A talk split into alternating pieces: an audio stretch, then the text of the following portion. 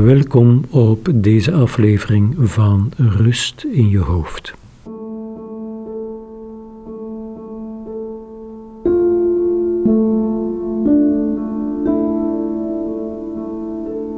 Ik zou je willen uitnodigen om dat arme hoofd even tot rust te laten komen door de knop om te draaien en op te gaan in de beleving, in de flow-ervaring, waardoor denk- en piekerprocessen naar de achtergrond verschuiven en het hoofd tot rust kan komen. Dit keer doen we dat in een wat ongewone formule. De opname bestaat uit verschillende fragmenten, waarvan je er telkens één of meerdere na elkaar kan beluisteren, afhankelijk van waar je dit keer zin in hebt.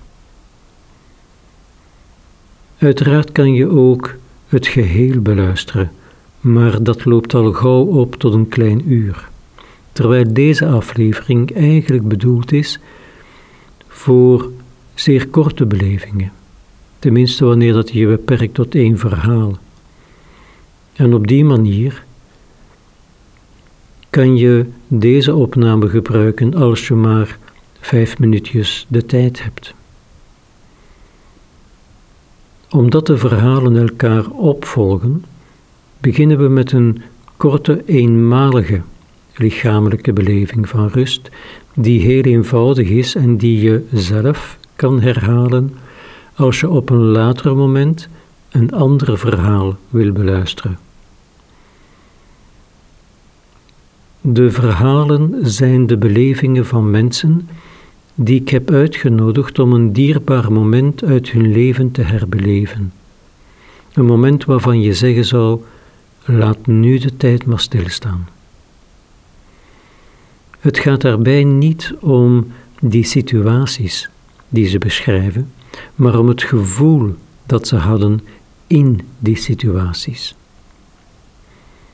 De situaties zelf zijn vaak banaal, maar de beleving die ze meebrachten waren van die aard dat men zeggen kon: laat dit gevoel maar eeuwig blijven duren. Als je dan toch een gevoel moet meenemen ooit naar de eeuwige jachtvelden, en je mag er maar eentje meenemen, laat het dan dit zijn. En misschien, luisteraar, ontlokken deze verhalen ook een herinnering en een herbeleving van een dierbaar moment uit je eigen leven. Een plekje uit Le Petit Paradis du Souvenir, waar het fijn is om even te vertoeven en het hoofd tot rust te laten komen. Maak het je makkelijk en sluit je mooie ogen.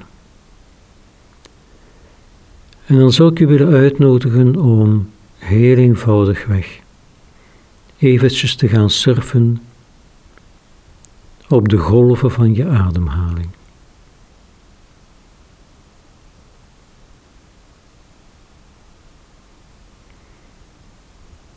En daartoe kan je eenvoudigweg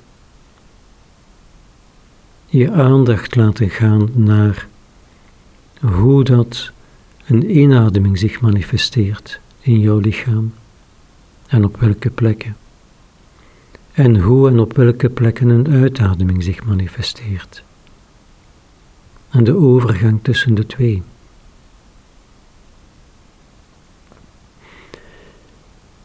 En terwijl dat je dat doet, kan je ook even focussen op de raakvlakken van jouw lichaam met de ondergrond waarop dat je zit of ligt.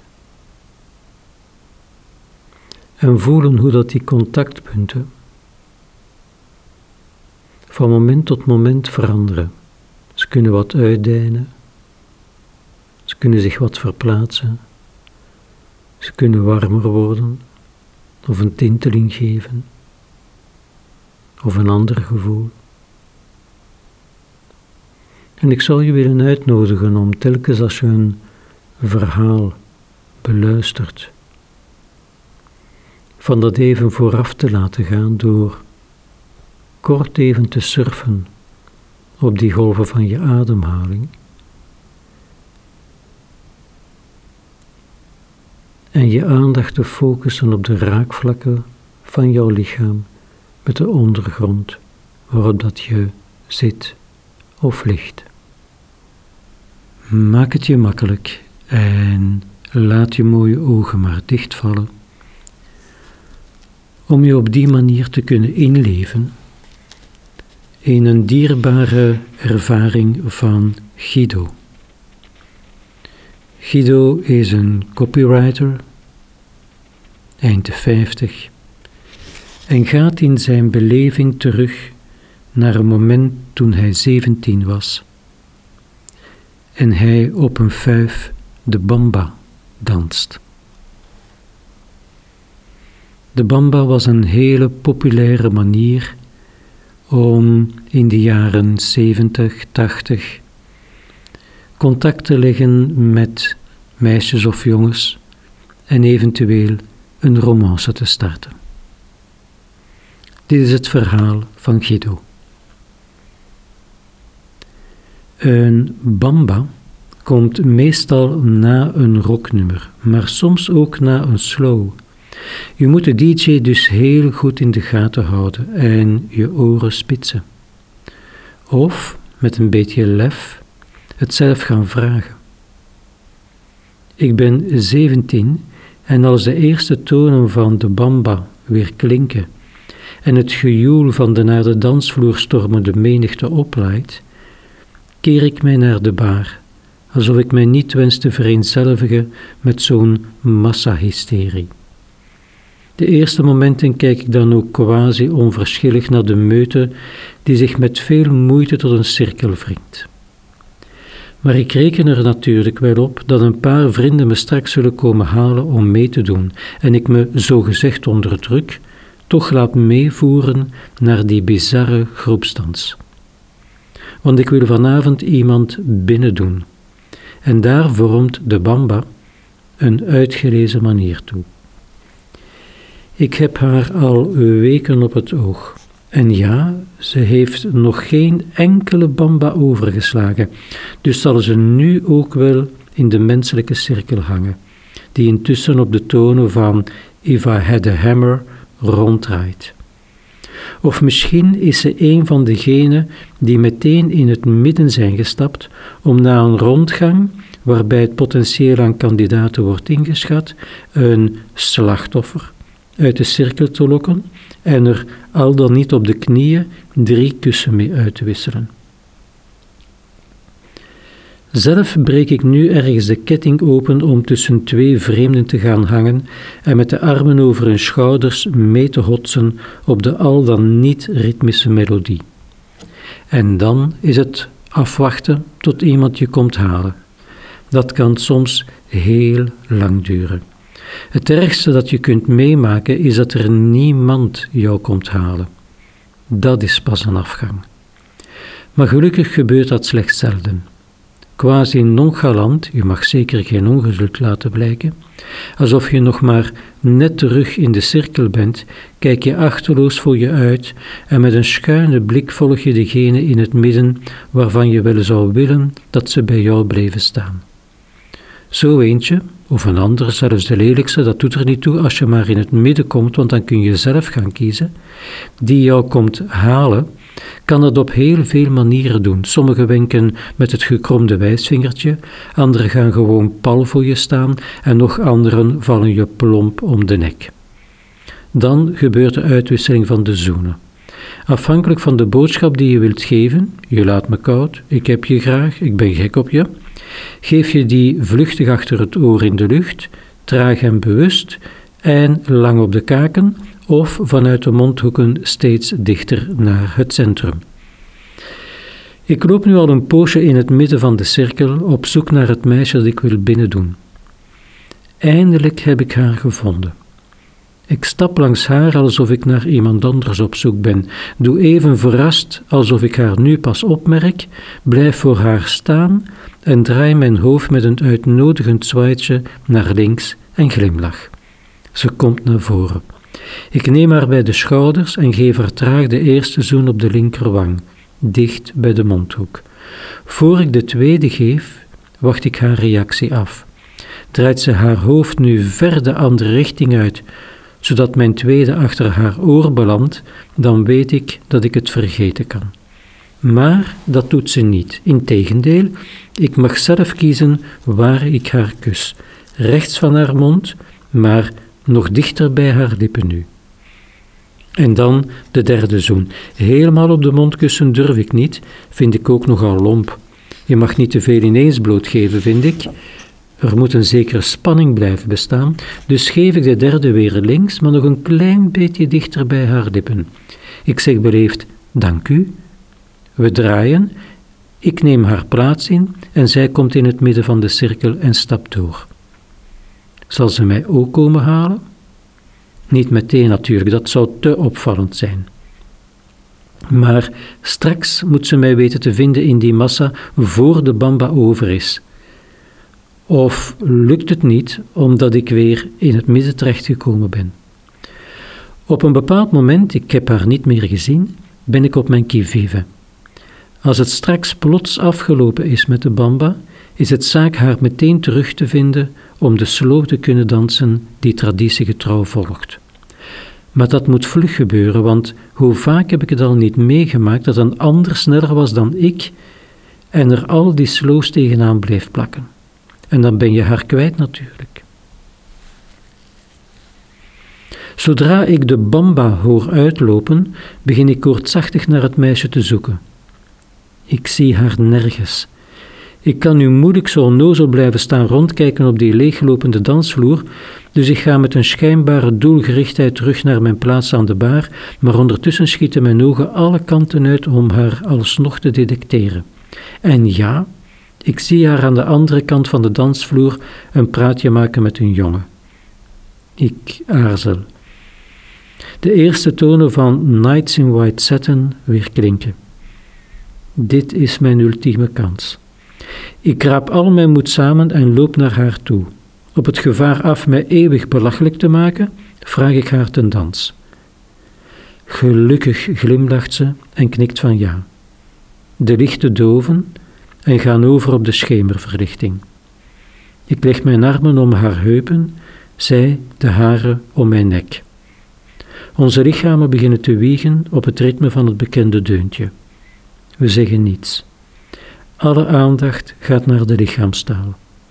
De letterlijke afstand die onze lichamen ten opzichte van elkaar zullen innemen tijdens deze dans, zal de figuurlijke afstand van intimiteit uitdrukken die we met elkaar wensen. Ik trek haar niet dichterbij, maar na een poosje voel ik dat ze dichter tegen mijn lichaam danst. Ik voel haar ademen. Tijdens het tweede nummer, Daydream, legt ze plots haar gezicht tegen het mijne, cheek to cheek. Laat me zomaar blijven dansen, een eeuwigheid lang.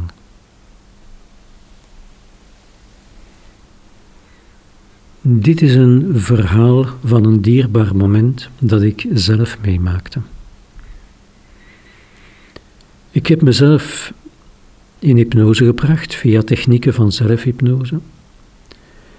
En ik kwam uit op een moment dat ik ongeveer vier jaar was.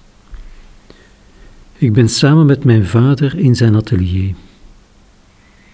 Door het kleine raam valt een prachtige bundel licht. Ik wil die pakken en grijp ernaar.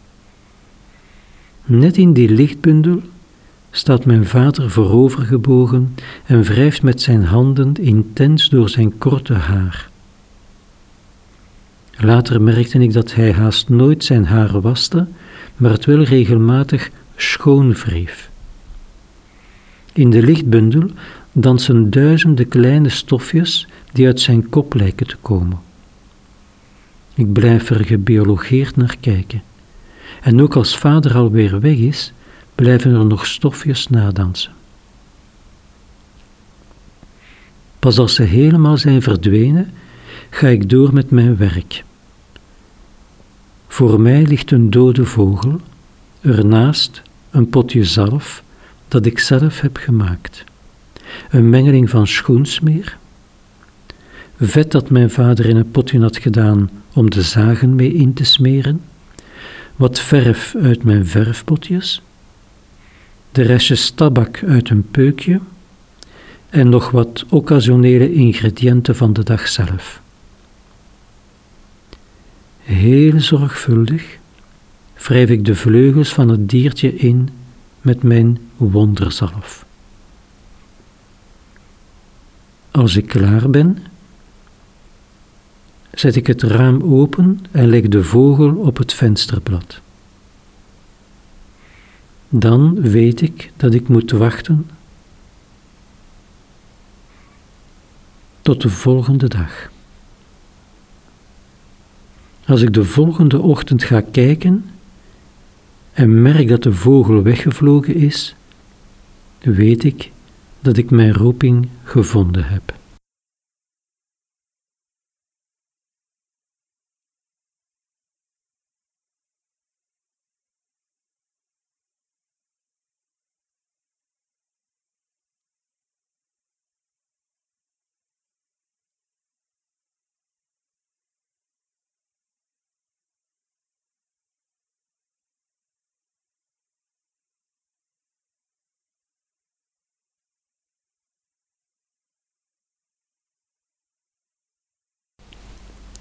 Wat volgt is een dierbare herinnering van Barbara, een champignonnenkweekster. Het ronde gevoel. Mijn grootouders hebben een nieuw bed gekocht.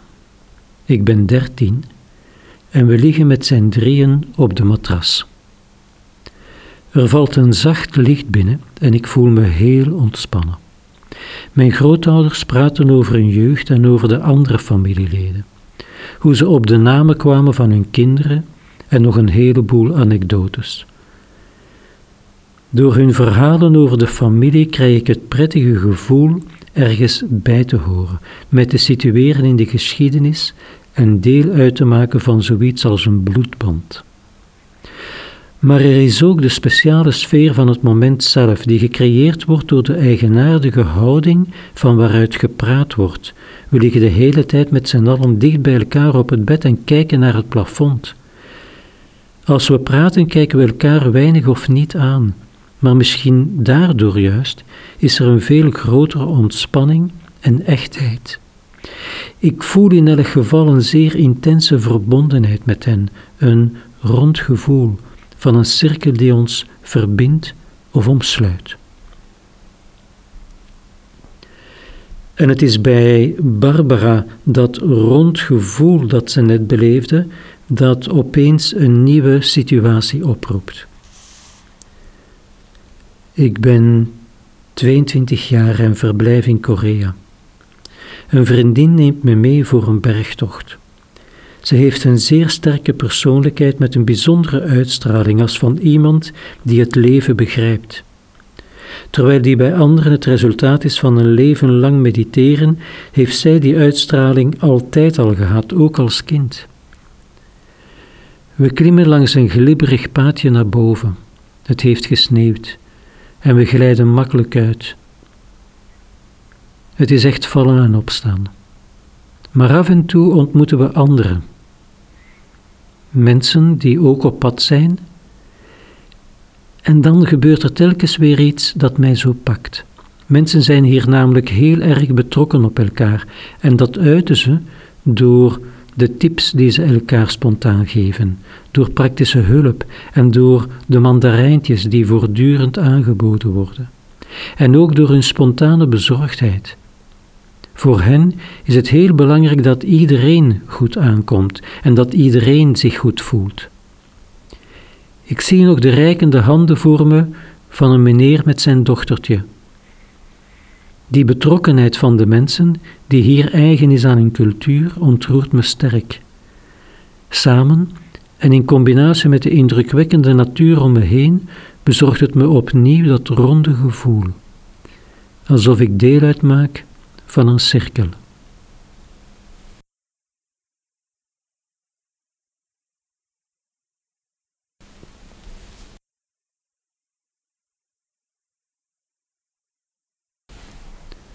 Lang lopen. Dit is een herbeleving van Francine, een Germaniste. Ik herbeleef één situatie, maar op twee verschillende tijdsmomenten. Het eerste moment. Ik ben 31 jaar en zit in een bus. We staan geparkeerd in de haven van Calais, klaar om in te schepen naar Engeland. In de bus zit een groep lange afstandslopers. Het is maart en een ongelooflijk mooie dag. Het is wellicht de eerste echt zonnige dag van het jaar, alsof de zomer zich vergist heeft en onverwacht uit de coulissen treedt. Ik ben blij met deze stralende dag, blij dat ik deze primeur meemaken mag. Een warm besef, deze dag, deze reis kan niet meer stuk. Maar ik voel ook nog wat anders. De anticipatie van wat nog komen gaat. Meestal anticiperen mensen negatief, maar ik anticipeer deze keer voluit positief. Ik ga een droom waarmaken. Ik ga een marathon lopen en ik ben ernaar op weg. Ik ben één en al gulle, onvoorwaardelijk positieve verwachting. Zo slinger ik tussen het geluk van het heden, deze prachtige dag, en de verlokkende gedachten aan morgen, mijn eerste marathon. Zo zweef ik ook tussen toekomst en heden. Het tweede moment, ik ben aan het lopen. Het is het Hengelse platteland. Overal langs de weg roepen mensen je hun steun toe. Ze zijn zo lief, zo begaan. Hun woorden geven je kracht. Zelfs de politiemannen moedigen je aan. Plots zie ik een bordje staan met de resterende kilometers tot de eindmeet. Ik ben verrast. Nog maar zo ver. En ik weet niet wat ik dan het eerst voelde, die kardinale bewustwording in mijn hoofd, dat ik het ga halen, of die opstoot van energie in mijn lichaam. Wat ik zeker weet is dat ik plots de andere inhaalde, maar ook dat het zo moeiteloos ging. Ik hoefde mijn lichaam niet meer te verplaatsen, het was niet langer ballast die je de ruimte in moest slingeren. Nee, ik voelde mijn lichaam niet meer. Het was zo licht geworden dat het zijn eigen leven was gaan leiden. Mijn lichaam liep vanzelf en het liep zo goed, zoveel beter dan ik ooit had durven dromen, en ik hoefde me er niet eens mee te bemoeien. Het ging als vanzelf. Jarenlang had ik gedroomd van een prestatie als deze. Steeds had ik het voor onmogelijk gehouden. En nu gebeurde het, moeiteloos, als in een droom. Mijn geest is gedompeld in een zalige verwondering over mijn lichaam en ik, ik ben die twee, de verwondering en dat lichaam die de marathon loopt. Een diep geluk ankert zich in mij.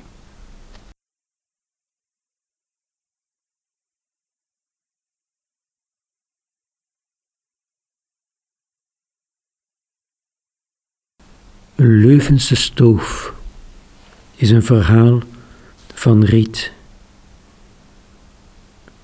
Riet is een arts en wordt in de herbeleving teruggevoerd naar een ervaring toen ze vier was.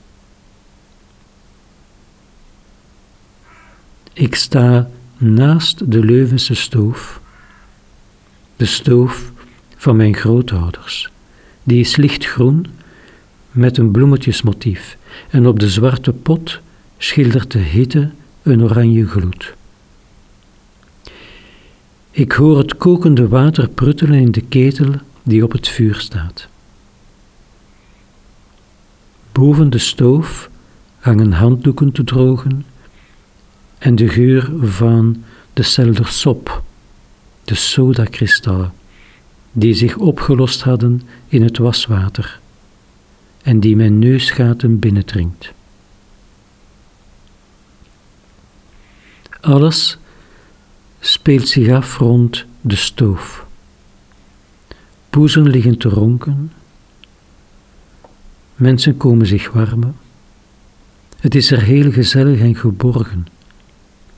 Wat verder op de kast zie ik een blikken doos staan met de doosjes schoensmeer, waarvan de geur me nooit meer zal verlaten. De metalen doosjes hebben een vlindertje als sluiting, dat je moet omdraaien om het te openen. Ik hoor het tikken van de klok aan de muur. De tijd mag stilstaan nu.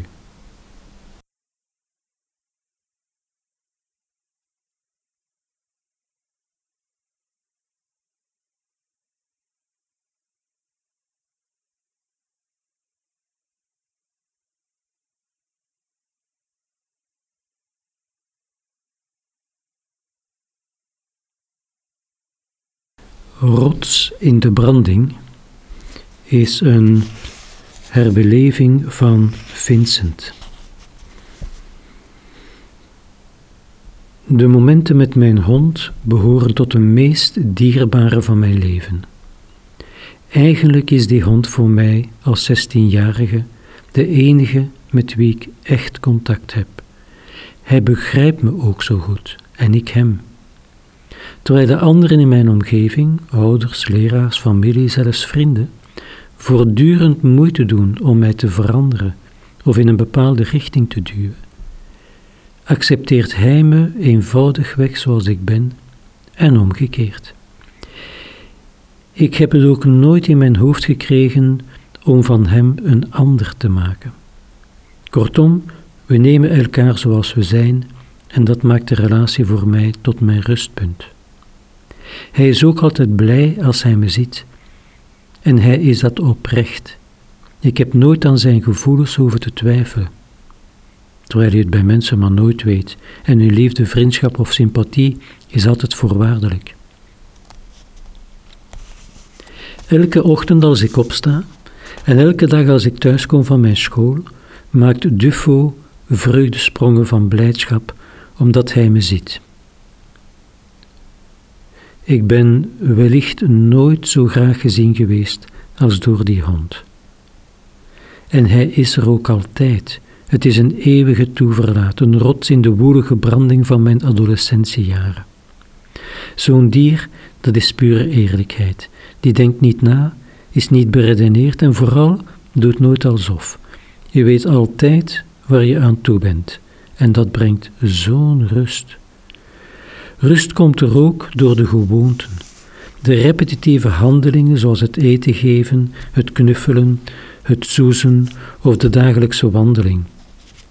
Dat beeld van zijn kop, hoe hij zijn oren spitst en zijn blik vol, zijn blik vol vuur komt als ik de leiband neem.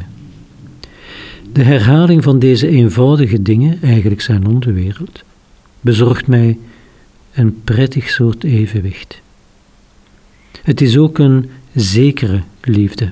Ik hoef me nooit af te vragen of hij wel echt van me houdt. Niet angstig te zijn dat zijn liefde zou afnemen of zich naar anderen zou richten. Ik weet ook dat hij niets meer van mij wil dan er te zijn. En dat is voor mij ook zo. Ik verwacht ook niets meer van hem dan dat hij er gewoon is. Doordat er geen verwachtingen zijn waaraan beantwoord moet worden, is er ook geen druk. Met zo'n hond maak je geen plannen voor de toekomst. Haal je ook geen herinneringen op.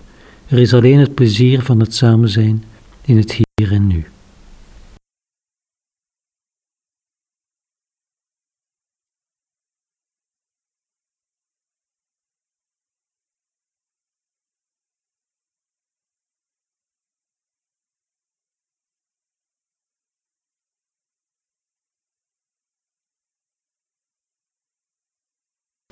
Teresa's knie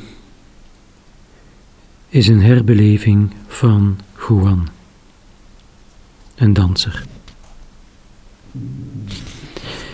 Al jaren ben ik verliefd op Teresa, maar ik heb haar nooit mijn liefde durven te bekennen, uit angst voor afwijzing. Ik ben 27 en heb zeker geen minderwaardigheidscomplex, maar bij de schoonheid, innemendheid en persoonlijkheid van Teresa verdwijn ik in het niets. Dat besef ik zeer goed. En daarom kun je van een soort berekende lafheid spreken. Ik heb mijn kansen nooit echt gewaagd en heb mij door de jaren heen stilaan verzoend met deze weinig heldhaftige houding. Tot vandaag. Is het omdat we elkaar nu al tien jaar kennen en intussen een aardige vriendschap hebben opgebouwd? Ik weet het niet. We zitten in een jazzclub in Barcelona, in de buurt van de Plaza Real, samen met haar vriendin Conchita. Teresa is ravissant als altijd en draagt een heel licht zomerjurkje, eenvoudig wit met bloemetjes.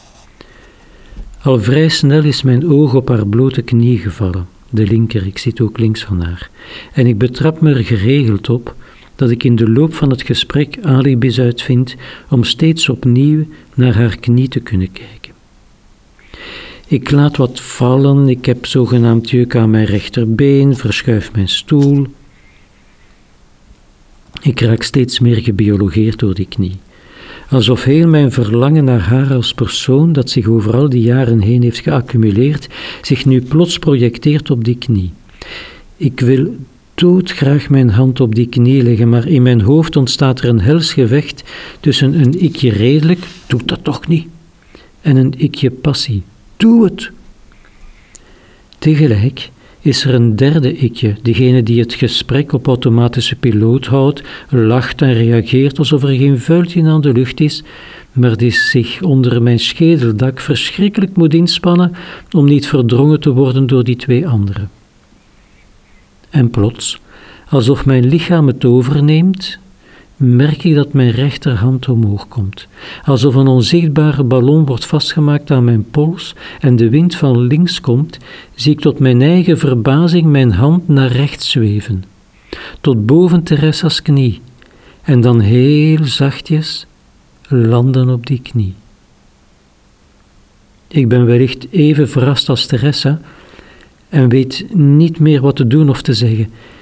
Ik kijk haar aan ze glimlacht en legt haar hand op de mijne. Ik voel een enorme spanning in me opkomen. Hoe moet ik hier nu in godsnaam op reageren? Ik kan toch moeilijk zeggen dat niet ik, maar mijn arm mijn hand op haar knie gelegd heeft?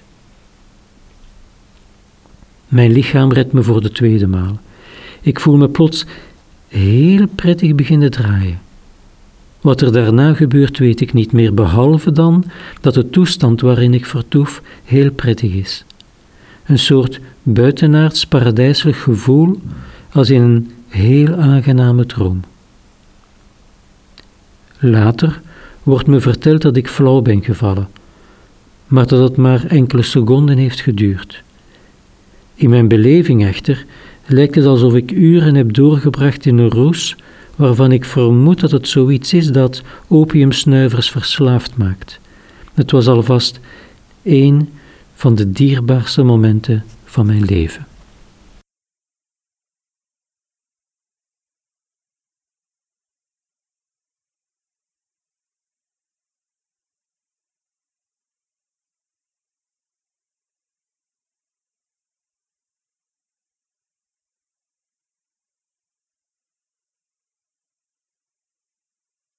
Over dikkoppen en een broertje.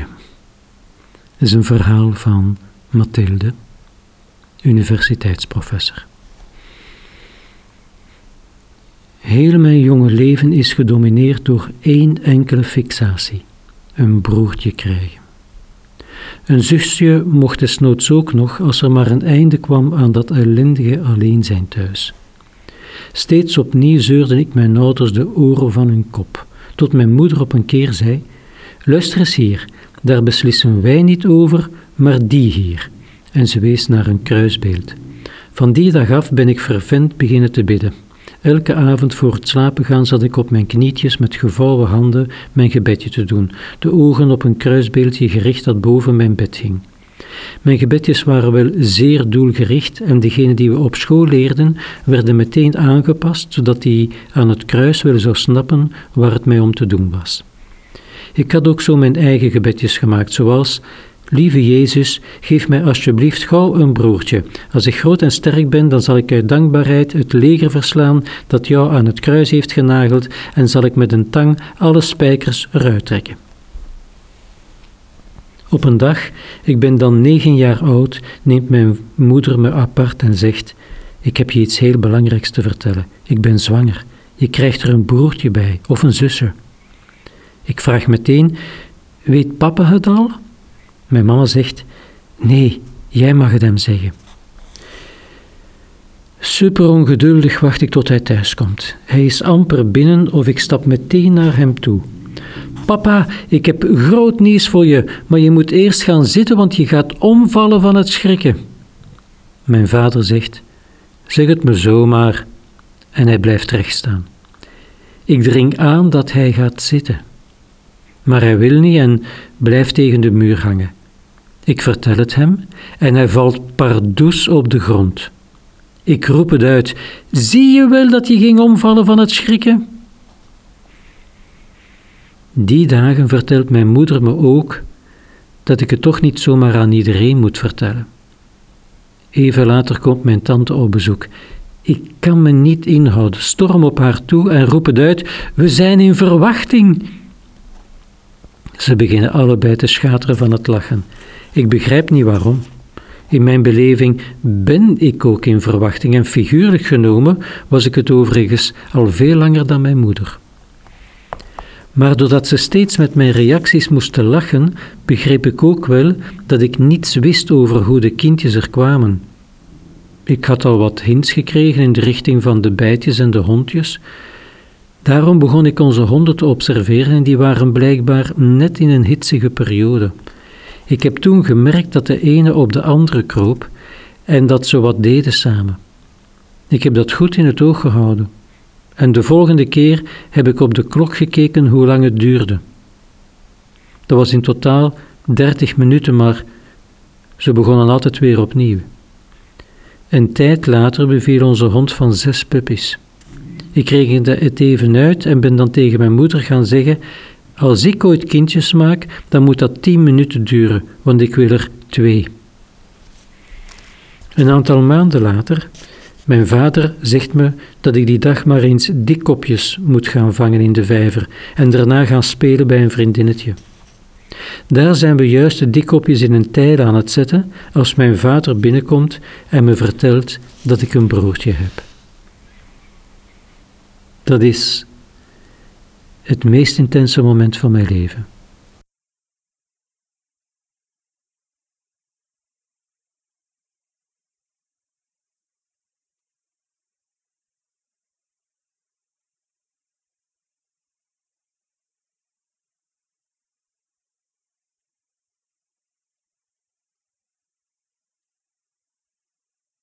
Vliegen kan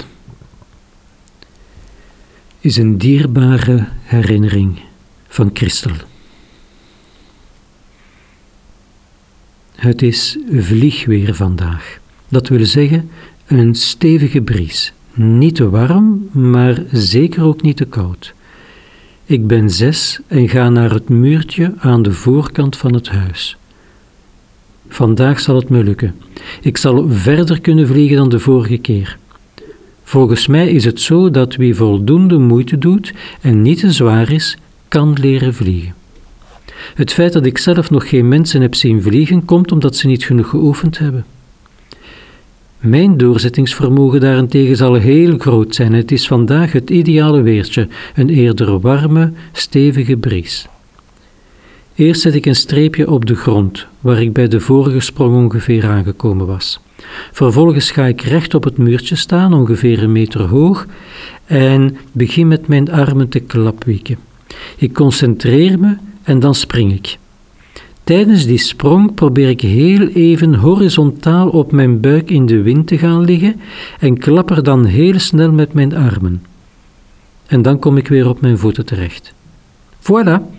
Verder dan het streepje van de vorige keer. Ik zet een nieuw streepje en probeer opnieuw. Ook dit keer spring ik verder. Fantastisch. Zie je wel dat het me zal lukken? Binnen een half jaar zal ik tot aan het huis vliegen en iedereen zal paf staan en vol bewondering zeggen: Onze Christel kan vliegen.